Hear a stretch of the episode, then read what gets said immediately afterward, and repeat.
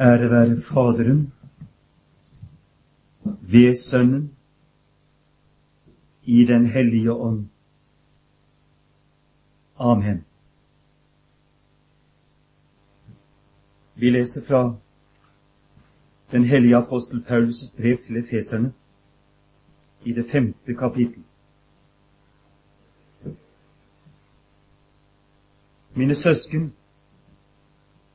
drikk eder ikke drukne av vin, for i det er det ryggesløshet, men bli fylt av Ånden, så i tale til hverandre med salmer og lovsanger og åndelige viser, og synger og leker for Herren i deres hjerter, og alltid sier Gud og Faderen takk for alle ting i vår Herre Jesu Kristi navn, og underordner eder under hverandre i Kristi frykt.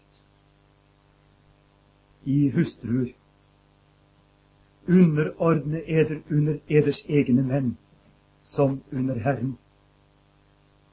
For mannen er hustruens hode, like som Kristus er menighetens hode, han som er sitt legemes frelser. Men like som menigheten underordner seg under Kristus, således skal også hustruen underordne seg under sine menn i alle ting. I menn, elsk deres hustruer. Like som Kristus elsket menigheten og ga seg selv for den, for å hellige den, idet han renset den ved vannbadet i Ordet, for at han selv kunne fremstille menigheten for seg i herlighet, uten plett eller rynke eller noe sådant, men at hun kunne være hellig og ulastelig så er da mennene skyldige å elske sine hustruer som sine egne legemer. Den som elsker sin hustru, elsker seg selv. Ingen har jo noensinne hatet sitt eget kjød, men han før og varmer det, like som Kristus gjør med menigheten. For vi er hans legemes lemmer. Derfor skal mannen forlate far og mor og holde seg til sin hustru, og de to skal være ett kjød. Denne hemmelighet er stor, men jeg tenker hermed på Kristus og på menigheten. Dog også I skal elske enhver sin hustru som seg selv og hustruen skal ha ærefrykt for sin mann.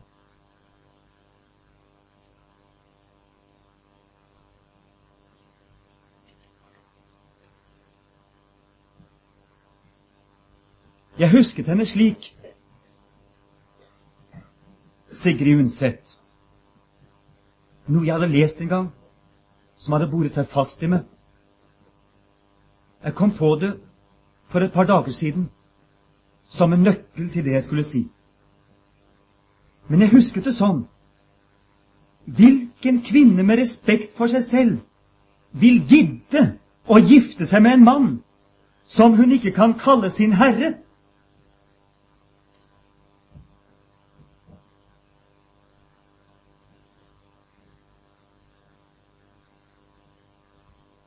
Og så tenkte jeg dette er emansipasjonens hemmelige valgspråk. Utfordringen, provokasjonen til mannen. Og hvem er herre? Den mann som har beseiret seg selv.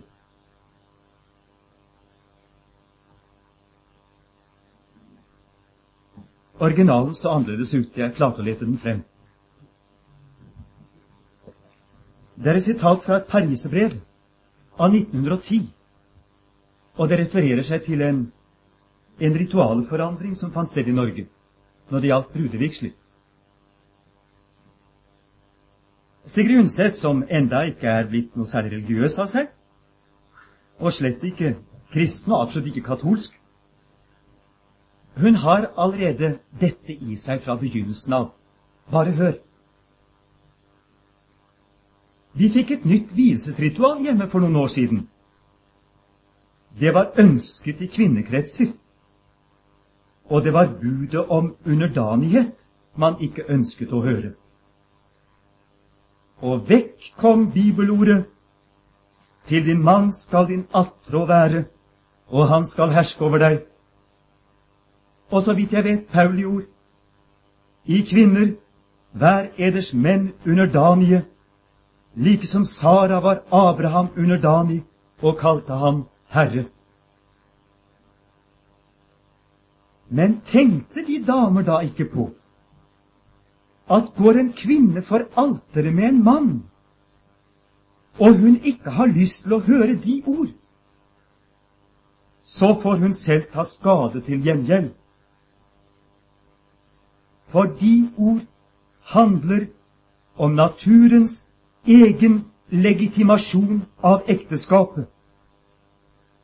At en kvinne skal gifte seg med den mann som hun kan kalle sin herre, og ikke med noen av alle de andre.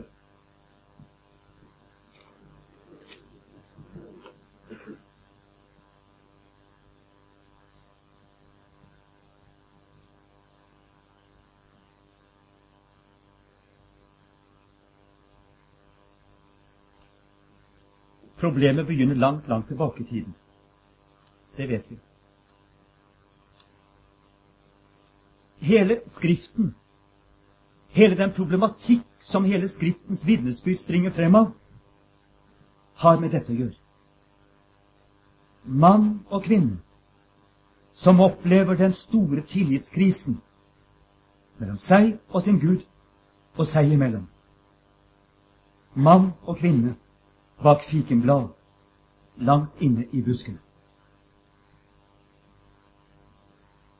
Sviket Gjensidig beskyldning. Ansvarsunndragelse. Mannen som flykter fra sin Gud og fra sin kvinne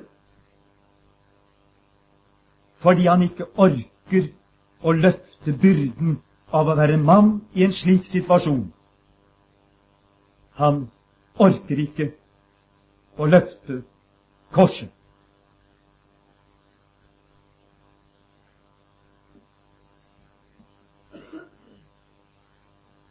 I den teksten vi nettopp leste, der er det akkurat som paradiset er åpnet igjen. Tilliten til Gud Fader er etablert. Tilliten mellom mann og kvinne er etablert igjen. Mannen får stå frem som et bilde av Kristus, det mannsbildet som en gang var tenkt av Gud og virkeliggjort i Adam før fallet. Og kvinnen får stå rettferdiggjort som hans Eva og kan med full tillit kalle ham Herre fordi han er det. Fordi han er en Kristi efterfølger under korset. I menn, elsk deres hustruer, like som Kristus elsket menigheten og ga seg selv for henne.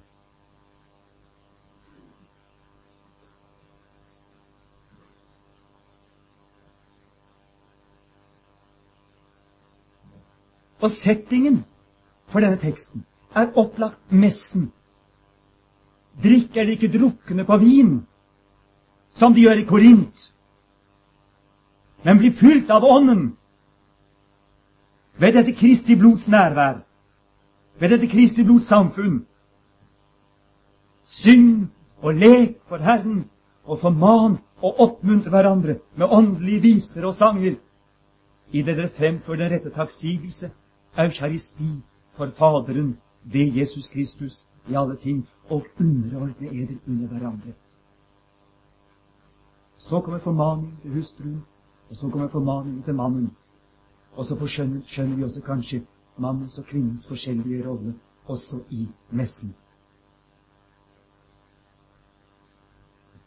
Og i messen, som dypest inne er selve bryllupsfesten, Kristi bryllupsfest med menigheten sin brud, han som selv betalte den dyre brudepris. I messen møtes kvinnen og mannen. I det første virkelige møtet siden syndefallet. I messen møtes de i all sin nakenhet og kjenner hverandre slik de selv er kjent av Gud. Og de blues ikke, for alt er under syndenes forlatelse. I messen feires det hellige bryllup, og de to blir ett kjød, og unnfanger og unnfanges og føder og blir selv født gjennom angst og blod og svette ved sin delaktighet i Kristi lidelser, i en bedrøvelse inntil døden,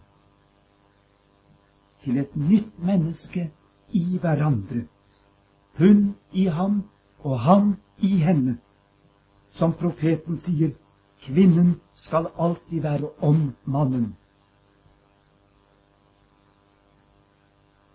Men utenfor paradiset, før Kristus åpnet dørene til messen, før forhenget revnet i tempelet Utenfor paradiset var mannen alltid utenfor kvinnen. Og derfor var han aldri til stede i henne selv når han tømte sin sæd i henne. Vi leser i Første Mosebok i fjerde kapittel. Og Adam kjente sin hustru Eva, og hun ble fruktsommelig og fødte Kain, og hun sa, Jeg har fått en mann ved Herren.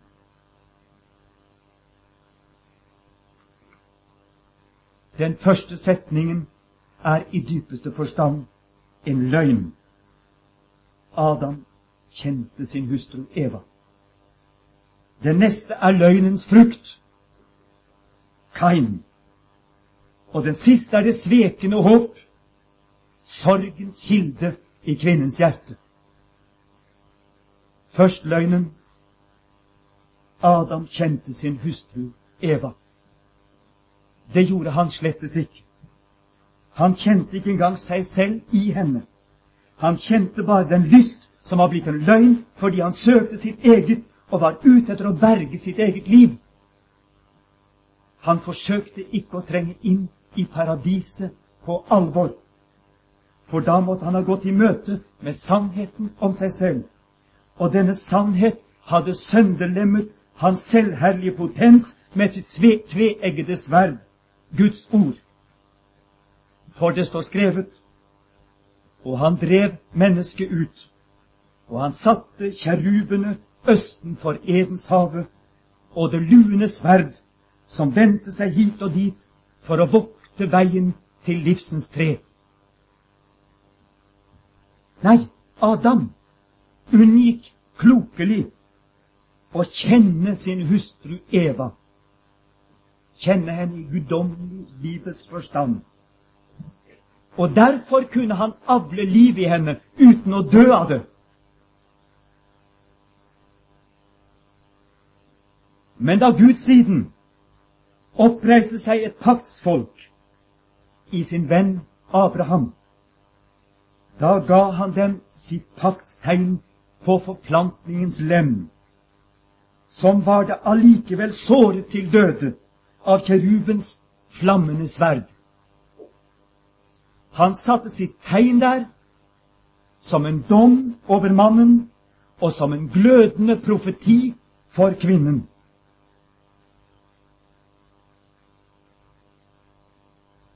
Han hadde sagt til henne, Din sædkvinne skal knuse slangens hode.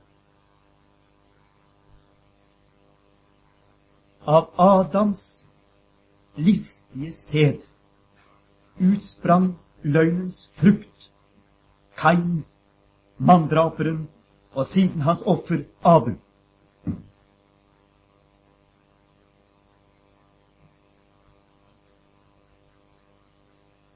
usannheten i forholdet. Det er forbeholdet i forholdet. Det er flukten i forholdet. Fikenbladet var Adams prevensjonsmiddel mot en virkelig fruktbar død i sannheten. Og derfor sprang det bare løgn og vold og død av hans lender. Men Eva hadde allikevel sett Adam dø den lille død.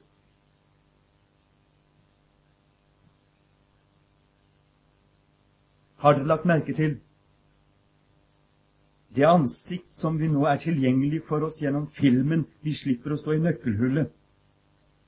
Det ansikt som viser den lille død, det som kalles for orgasme. Hvor lik ansiktsuttrykket er den ytterste lidelse. Du kan ikke skille det fra lidelse. Lidenskapen fra lidelse. Det kan like godt være den korsfestedes ansikt som horebukkens. I det øyeblikk er bildet der. Selv om det er aldri så forløyet. Derfor kalles det også den lille død.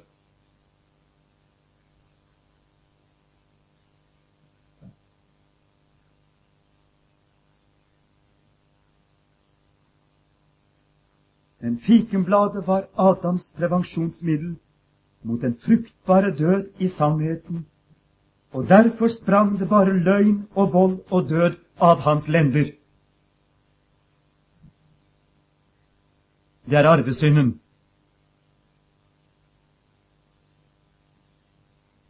Men Eva hadde sett Adam dø sin lille død, og hun forvandlet den i håp og tro til den store død. Han uttømte seg selv og ble lydig inntil døden, ja, korsets død, som det står i Filippenserbrevet i det annet kapittel. Han uttømte seg selv. Det er det det står. Hun bar håpet om denne radikale uttømmelse i dypet av sitt skjød, fordi Gud selv, Herren, hadde gitt henne et ord, en profeti. Og da Adams hode lå som en murrakule mellom hennes bryster, da han lå som en død mellom hennes lender, skinnende blankt av svette, som av olje, da mente hun at det var hennes Messias, den salvede, som allerede sov i hennes grav. Og da hun fødte, da trodde hun straks på oppstandelsen og sa, Jeg har fått en mann ved Herren. Men hun tok feil. Hun tok feil fordi hun ikke kunne oppgi sin tro, sitt håp sin kjærlighet. Hun tok feil og måtte alltid ta feil og betale den bitre pris for dette gjennom tusen år som skjøge, hustru, elskerinne og drage. Hun tok feil, og for Guds skyld fortsatte hun å ta feil, inntil hun fant den rette mann i Simon fariseerens hus. Og det skal vi synge om. I sannhetens øyeblikk. Og det er bare én mann som kan ta denne utfordring. Og det er Messias, den rette mann. Salmen er skrevet av Willy Abelsnes. Den desidert dypeste, sanneste og heleste av våre nådlevende salmediktere. Fordi han er ingen salmedikter, han er en dikter. Og virkelige salmer er alltid diktet av diktere. Salmediktere er en slags snekkere. som arbeider i mellomfasen, og ikke det fins noen andre.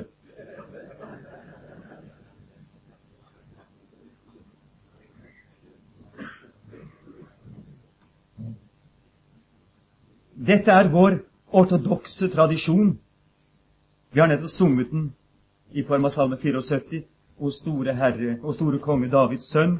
Hun ber om at han må forbinde seg med henne i syndens natt.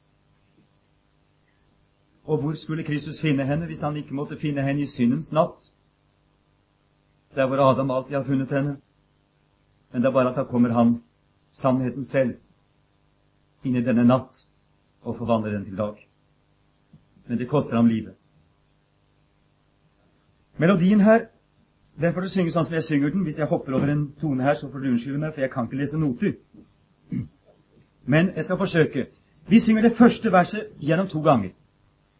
Over Herren falt ved aftensporet åndens klare rus, og han øynet ikke lenge Simons døde. Han så himmelen og jorden, han så verdens store hus. Over gulvet skred imot ham husets frue. Med den kostelige nardus skred all verdens dronning frem. Kjær som morgenrøden, yndig som Jerusalem. Skjønn som månen, ren som solen, hård som døden. En gang til. Skal vi ta den litt høyere? Eller er det bra? Flott. For den er liksom sånn, litt sånn dyp av seg, ikke sant?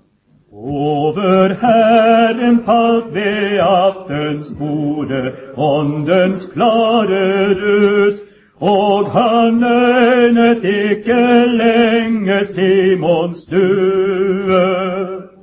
Han så himmelen og jorden, han så verdens store hus, over gulvet skred imot ham husets frue.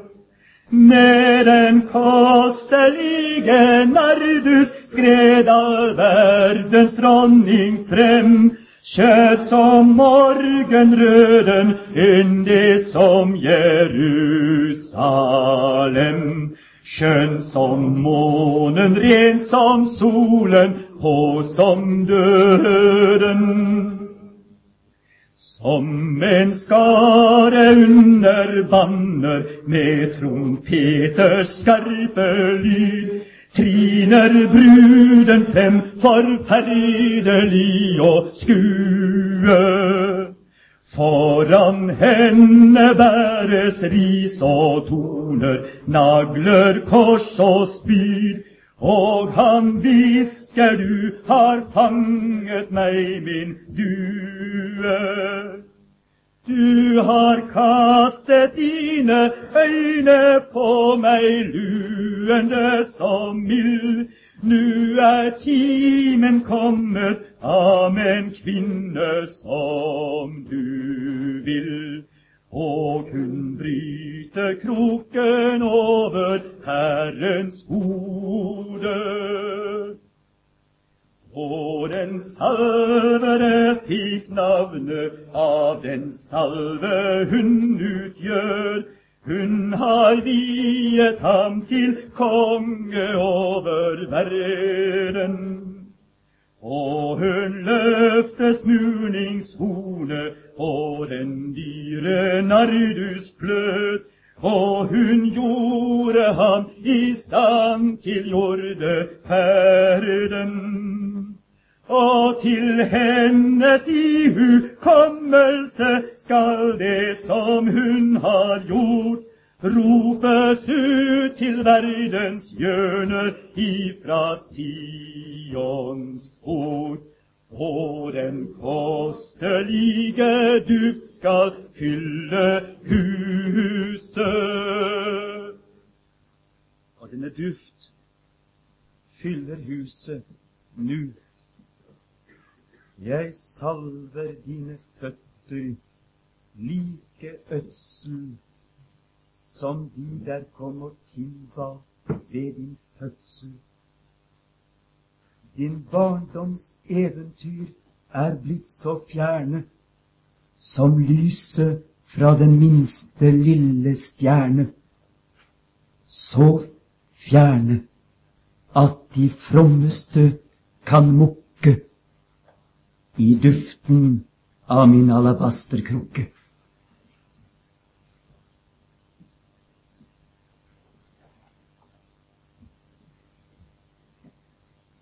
Så får de fromme mukke.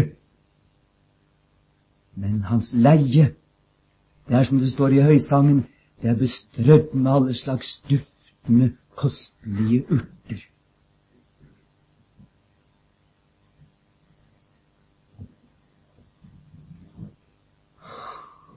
Og det er det vi bekjenner når røkelsen stiger opp i dette rommet, kirkerommet, som er kvinnen, som er graven, som er paradiset,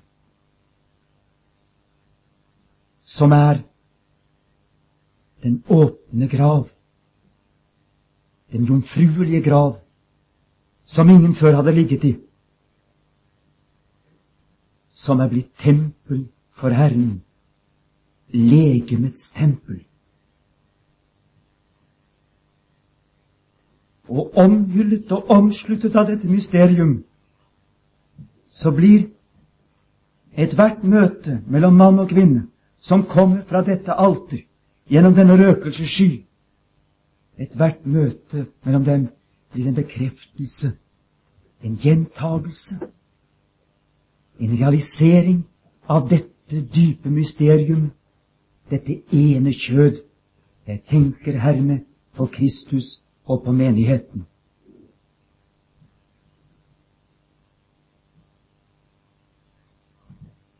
Og dermed så er alt egentlig avseksualisert.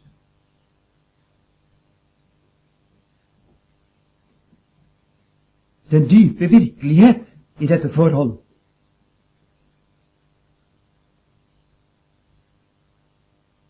Denne stamping og denne kaving for å frembringe en opplevelse som ikke vi vet hva er. Plutselig er det forandret, forvandlet. Paulus har pekt på det og forkynt evangeliet nettopp igjennom det. Det store, dype mysterium fullbyrdelsen. Troens mysterium. Ikke noe utenfor. Ikke noe stjålet. Ikke en ferie fra alvoret, men selve kjernen i det hele. Det hellige bryllup. Men det er bare mulig i troen på syndenes forlatelse. Ved at kvinnen får Guds øyne å se med. Nådige øyne som ser sin mann i Kristus. Ikler ham igjen hans kongelige verdighet som Adam i paradiset.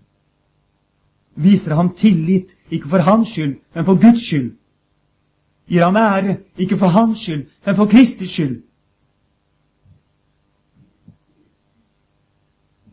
Og han igjen har lært hva sann maskulinitet betyr. Bare den kan være herre og Herrens bilde, som beseirer seg selv, uttømmer seg selv, elsker sin hustru som Kristus elsket menigheten. Og da vet hun, om hun frykter Gud, at hvis hun da ikke møter ham som Kristus, så korsfester hun ham på nytt. Tråkker ham ned som en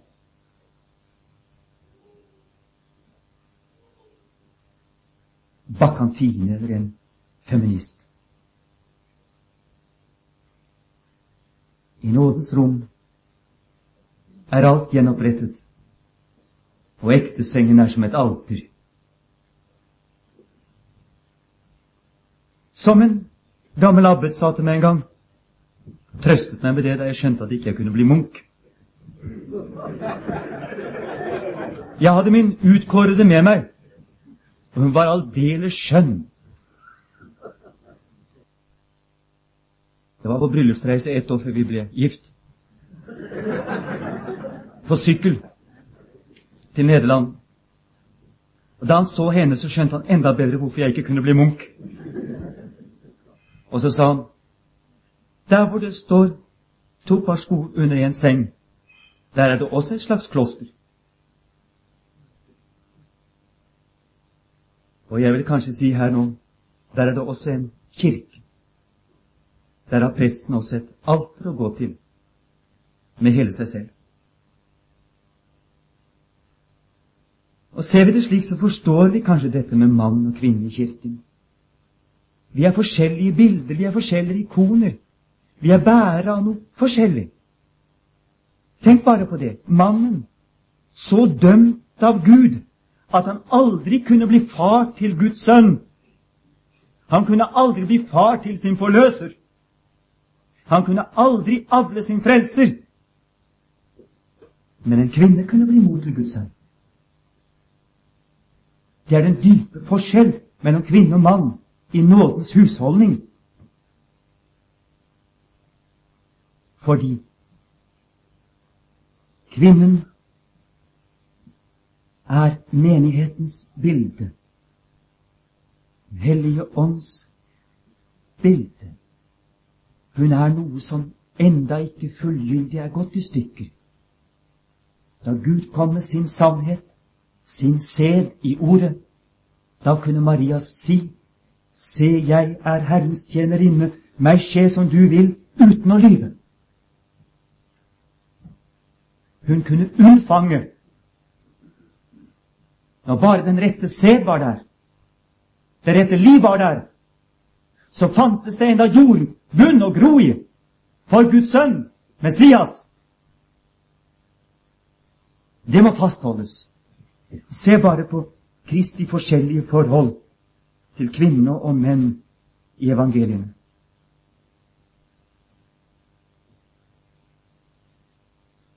Mannen er gjenreist av pur og ren nåde, den dødsdømte som allikevel får ikle seg Kristus og bli en efterfølger med korset på. Det er en mannesak. Forholdet til kvinnene er langt annerledes. Kvinnebrønnen kvinnegraven, kvinnen i Simon fariseerens hus, skjøgen. Det er en annen dimensjon, en annen type kontakt. Fordi de alle sammen står som bilde på den kvinne som Adam svek.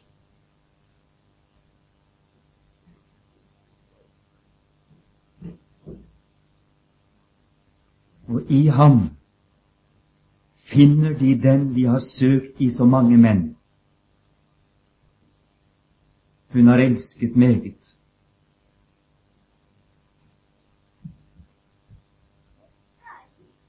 Det bibelteksten kan diskuteres og diskuteres stolpe opp og stolpe ned. Men det er klart at skjøgen er den hvileløse, søkende, som etter hvert blir den kyniske og bare får bekreftet hvem Adam er, og ikke venter noe annet til slutt, inntil hun møter ham den sanne mann, og hyller ham som det, og holder høysang, høysangsgudstjeneste i fariserens hus.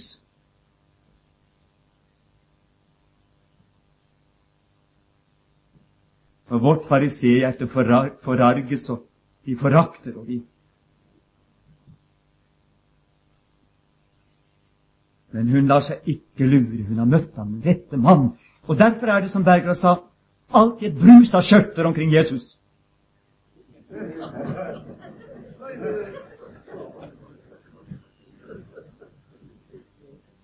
Og Da blir de alle jomfruer, uansett hvor gamle de er. Forelsket i sin forløser. Og når vi møtes som menighet, kollektivt, da må også vi menn finne oss i i dette kollektivet og synge brudens ord og være brudens røst. Og allikevel så skal vi finne oss som mann igjen overfor vår kvinne og få lov til det. Kristus har ikke kastrert oss. Kristus har ikke avsatt oss. Kristus har ikke overtatt alle våre kvinner, som en annen Salomo. Det kunne han ha gjort. De ville gladelig forlatt oss alle sammen for ham. Kanskje det Salomos store harem skal bety. For hvis de holder ut med oss, så er det for Kristi skyld.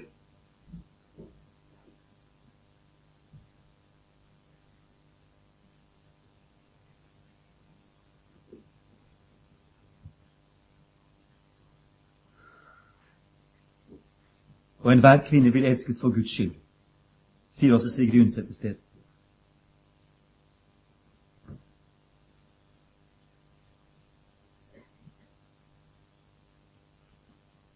Vi lever i en kjettersk kirke. Årsaken til all forvirring og all nød som vi opplever nå, det må skyldes at vi lever i en kirke som allerede tidlig bøyde av fra denne sannhet. Og ikke bare gjorde vi å ikke forkynne det, men ved å, ved å fjerne denne sannhet fra sine rituelle handlinger. Når de skulle forene mann og kvinne skapt i Guds bilde, som Paulus selv er, sier er et bilde av Kristus og menigheten, så fjernet de disse ord fra vigselsritualet. Allerede så tidlig som omkring 1910. Jeg har ikke klart å sjekke etter når det skjedde. Og enda litt tidligere disse ordene om at hun skulle kalle sin mann sin herre, som Sara kalte Abraham. Det var ikke tålig, det var ikke mulig etter at Ibsen var kommet på markedet, å opprettholde noe sånt. Og så ble kirken et dukkehjem.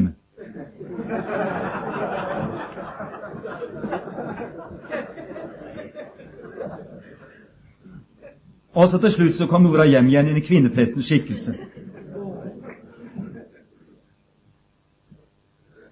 Tenk det! Alle springende tekster om ekteskapet er fra 1920 av fjernet i alteboken. Alt det som står i Efeserne 5, det som står i 1. Peters brev, det som står i det kors som er lagt på denne stand, i første Mosebok, om kvinnen som skal føde sine barn i smerte, Adam som skal dyrke jorden i sitt ansikts ved. Disse dype sannheter om mennesket, om mann og kvinne, i lys av Kristushemmeligheten. Alt dette er fjernet fra ekteskapet. Ikke bare fra talestolen, men fra ritualet. Fra bekjennelsen. Faktisk talt, så det som står igjen, er nesten bare tekster som handler om alminnelig kjønnsløs nestekjærlighet. Det er unisex. Og dette har vi klart å leve på i 70 år. Det er litt av et babylonsk fangenskap. Det vil si at hele den nålevende generasjon, generasjoner, har aldri måttet høre disse ord fra Herrens alter når de sto for Guds ansikt og skulle gi seg til hverandre. De fikk aldri høre Guds røst om disse ting. Og ingen prest behøvde anstrenge seg for å gjøre denne visjonen levende og nær for dem. Det spørs om vi har hatt noe kristent ekteskap i dette land på 70 år.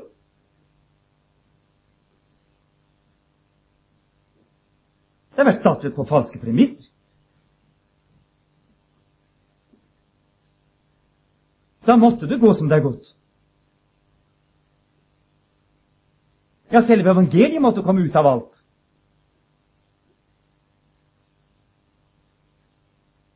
Guds blodige virkelighet, Guds blodige nidkjære kjærlighet, er erstattet av en alminnelig snillisme så tidlig i kirken. Dette er kjetteri. Fortielse. av sannhet. I en situasjon som mer enn noen annen krevde at det ble talt sant. Fordi løgnåndene var så sterke og talte så høyt. Men da vek Kirken og lukket sine bøker. Bandt Gud for munnen. Ba om unnskyldning for apostelens frimodige ord.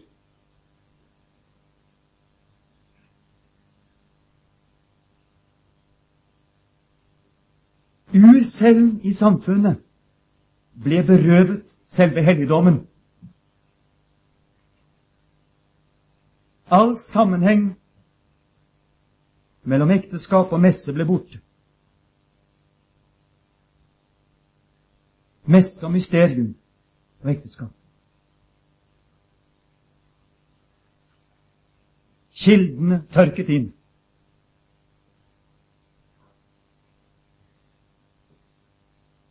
Jeg har sett en del nye forslag til ekteskapsritualer. Jeg vet ikke hvordan de fungerer, de dere har i dag. Men jeg tviler på at underordningsteksten er kommet inn igjen. Da kan de heller tenke seg noen lettferdigheter fra høysangen. Bare det får lov til å være noen lettferdigheter. Det er så mye pent som står der. Litt sånn Det er litt dristig, faktisk talt kan jo skape litt løftet stemning.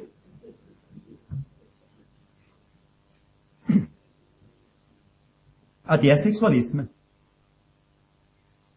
Denne borgerlige virkelighet. Fasadevirkeligheten. Leken. Det er fryktelig farlig. Og selve korset kommer bort fra ekteskapet. En fryktelig brudeseng.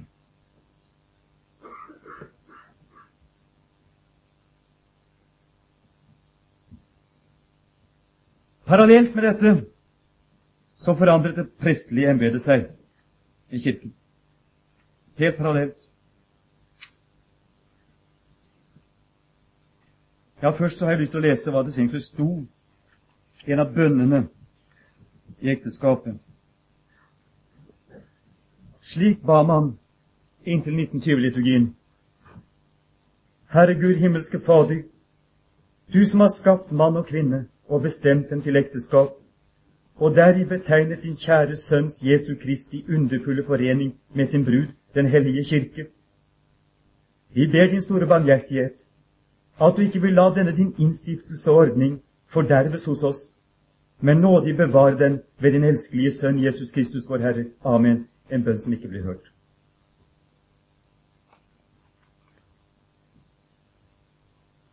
I litt eldre utgave så sto det Herre Gud, himmelske Fader, du som har skapt mann og kvinne. Frem til 1885 så sto det slik. Du som har skapt mann og kvinne og bestemt dem til ekteskap, og deri betegner din kjære Sønns Jesu Kristi og Hans brud, Den hellige kirkes sakramente.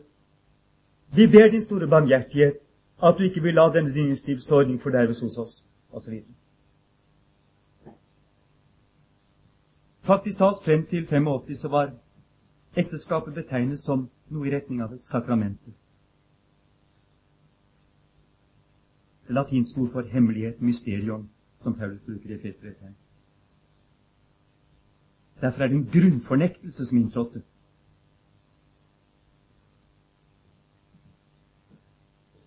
Allerede da fallerte Kirken prinsipielt og la seg på en sklie som vi fremdeles er på i dag. Og det samme skjedde med det geistlige embetet. Det er klart at når Faderen ble borte, mannen egentlig ble borte, mannen som den nye ansvarsbærer, gjenreist etter Adams svik, ble borte, og bare borgermannen i dressen ble tilbake. Som hadde studerende døtre.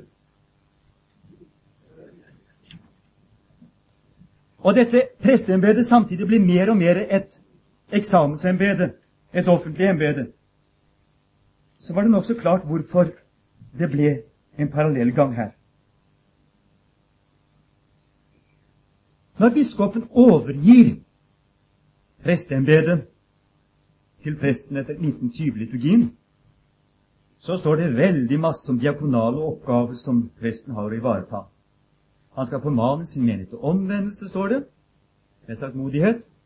Og så skal han se til de syke og de fattige og de hjelpeløse og alt mulig, og løpe rundt i alle hus.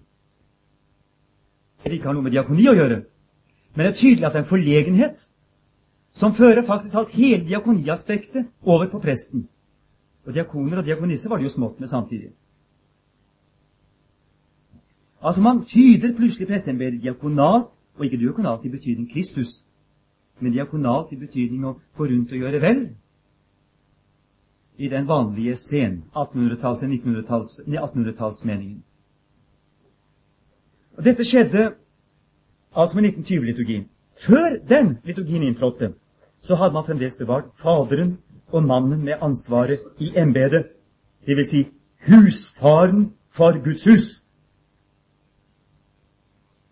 Biskopen sier derpå, så overgir jeg deg nå, i Faderens og Sønnens og Den hellige ånds navn, det hellige prestembedet, med makt og myndighet, til som en rett Guds og Jesu Kristi tjener, og forkynne Guds ord, både åpenbart og i lønndom, og forvalte de høyverdige sakramenter efter Kristi innstiftelse, og binde synden på de gjenstridige, og løse den på de botferdige, og ellers å utføre alt som hører til dette ditt hellige kall, etter Guds ord og vår kirkes orden.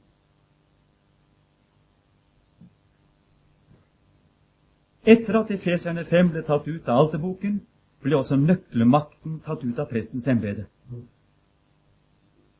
Han skulle ikke lenger binde synden på de gjenstridige og løse den på de botferdige. Som en hovedoppgave i dette gamle embetet.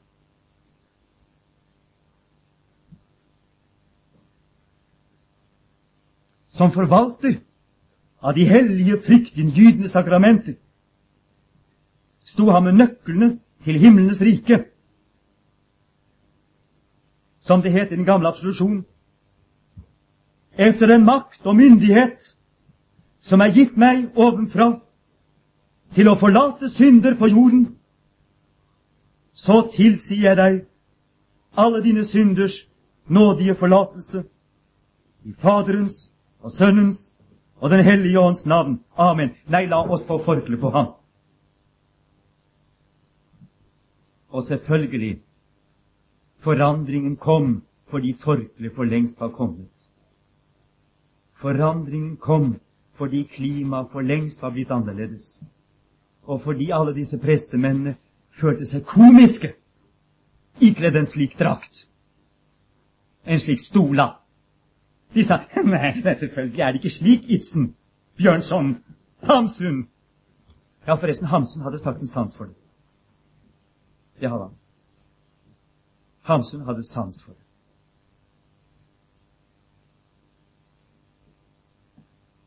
Og det er selvfølgelig ikke slik, min lille kone. Og du må ikke tro at jeg er noe. Å nei. Det er ingenting, jeg. Jeg er så snill, da.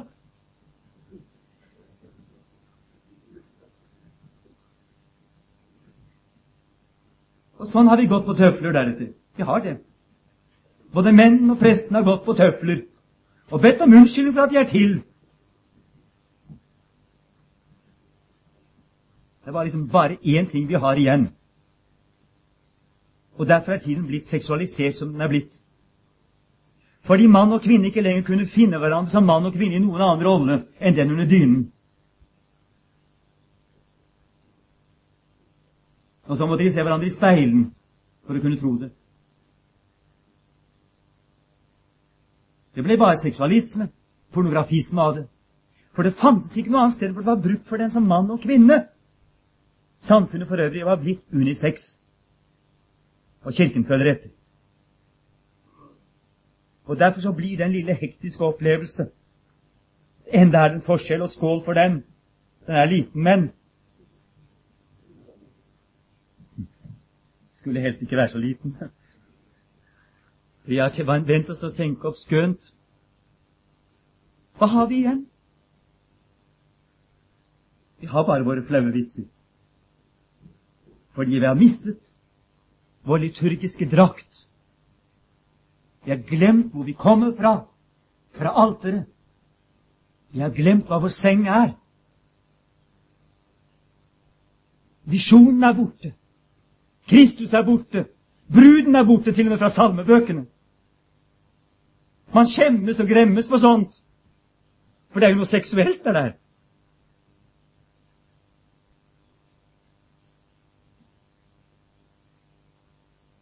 Og ekteskapet står det bedrøvelig til med, for jeg tror at Undset har rett innerst inne. Disse kvinnene som har fått sine myke menn, rømme med de sterke. Hvilken kvinne med respekt for seg selv vil gidde å gifte seg med en mann hun ikke kan kalle sin herre? Og så blir det enten en Tarzan, eller så blir det en som hun kan kjenne Kristus igjen i fordi han er blitt lagt inn under korset gjennom synserkjennelse og tro. Ære være Faderen og Sønnen og Den hellige ånd, som var og er og blir en sann Gud fra evighet og til evighet. Amen. Og hvis det enda er tid, så skal vi nå synge et slagskip av en salme. På Moria har ilden flammet.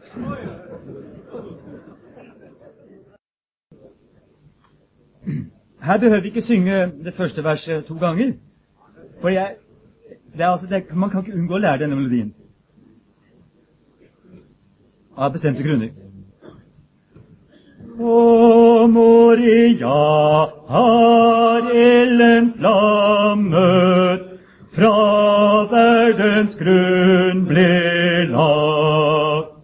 Gud Fader selv har slaktet lammet, i blod er Herrens pakt. Dødsdypet har han over skjegget, sin sjeletømte Gud. Slik blir hans legens tempel bygget, slik løser han sin brud. På Moria låt Herren bygge den gamle helligdom. Skuet Israel hans skygge til tidens fylde kom. Det tempel er som tegn og bilde, denne forløste mor. Det tomme hus, den tørre kilde, denne fruktbare jord. I jordens bilde treder presten Gud Herrens bilde inn. Med blod og ild på soningsfesten, så tunge er hans pinn. Han bærer Herrens navn på pannen, og folkets på sitt skrudd men vet at han er ikke mannen som løser denne brud. Han vet at her er ikke fylden som jorden bier på. Her i hukommes bare skylden at jorden må forgå. Fordi han er en uomskåret, Guds tegn er på hans kjød. Men ikke er hans hjerte såret, i kjærlighetens død. Over Guds herske er hans tege men ikke med Guds sinn. Da måtte det ha vært hans eget, det blod som han bar inn. Så står han der som en forræder. Han skulle gi sitt liv. Her falt en skyldested for treder, som offer for hans kniv. Et drap har Herren stilt til skue i husets høye kor. For dette tegn må jorden grue. Kain slår i hjel sin bror. Forbilledlig blir Kristus myrdet, er alle offerlam som i en skygge ufullbyrdet, til vi korsfestet ham. Se ham som vi har gjennomstunget av alle folk på jord. Blir sunget, da lyder Herrens ord. Billig til mordere og dårer, vet de nu hva her skjer? I står med skam og angers tårer, men hør Gud Herren ler. Guds blod blir strengt på templets tilgjø. Det er vår onde dåd. Men Herren ler, jeg gjør min vilje. Fullbyrdet blir mitt råd. Mens bøddelknekter kaster terning, og prester står og glor, fullender Faderen sin gjerning. Han ekter moder jord. Gør Herrens lender står i lue, her gløder paktens tegn. Ti glansen er som Herrens bue, i skyen tung av regn. Av evighet har ilden ulmet, og lyset stått på sprang. Nu stiger Herren ned i mulmet, i jordens mørke fang. Å, jord du sanke, søvn du sover, i dødens dype hav. Gjør Herren selv seg over den fryktelige grav. Han rekker mot deg sine hender, han tager deg i favn. Da springer ordet fra Guds lender, inngår i deg Guds navn. Brødgommen jubler over bruden, jeg hører bare skrik. Jeg klager for den døde guden, jeg synger over lik. Hør i en fryd som ingen fatter, går Herren fra seg selv. Hør, hør, Guds hjerte brast i latter, og alt er såre vel.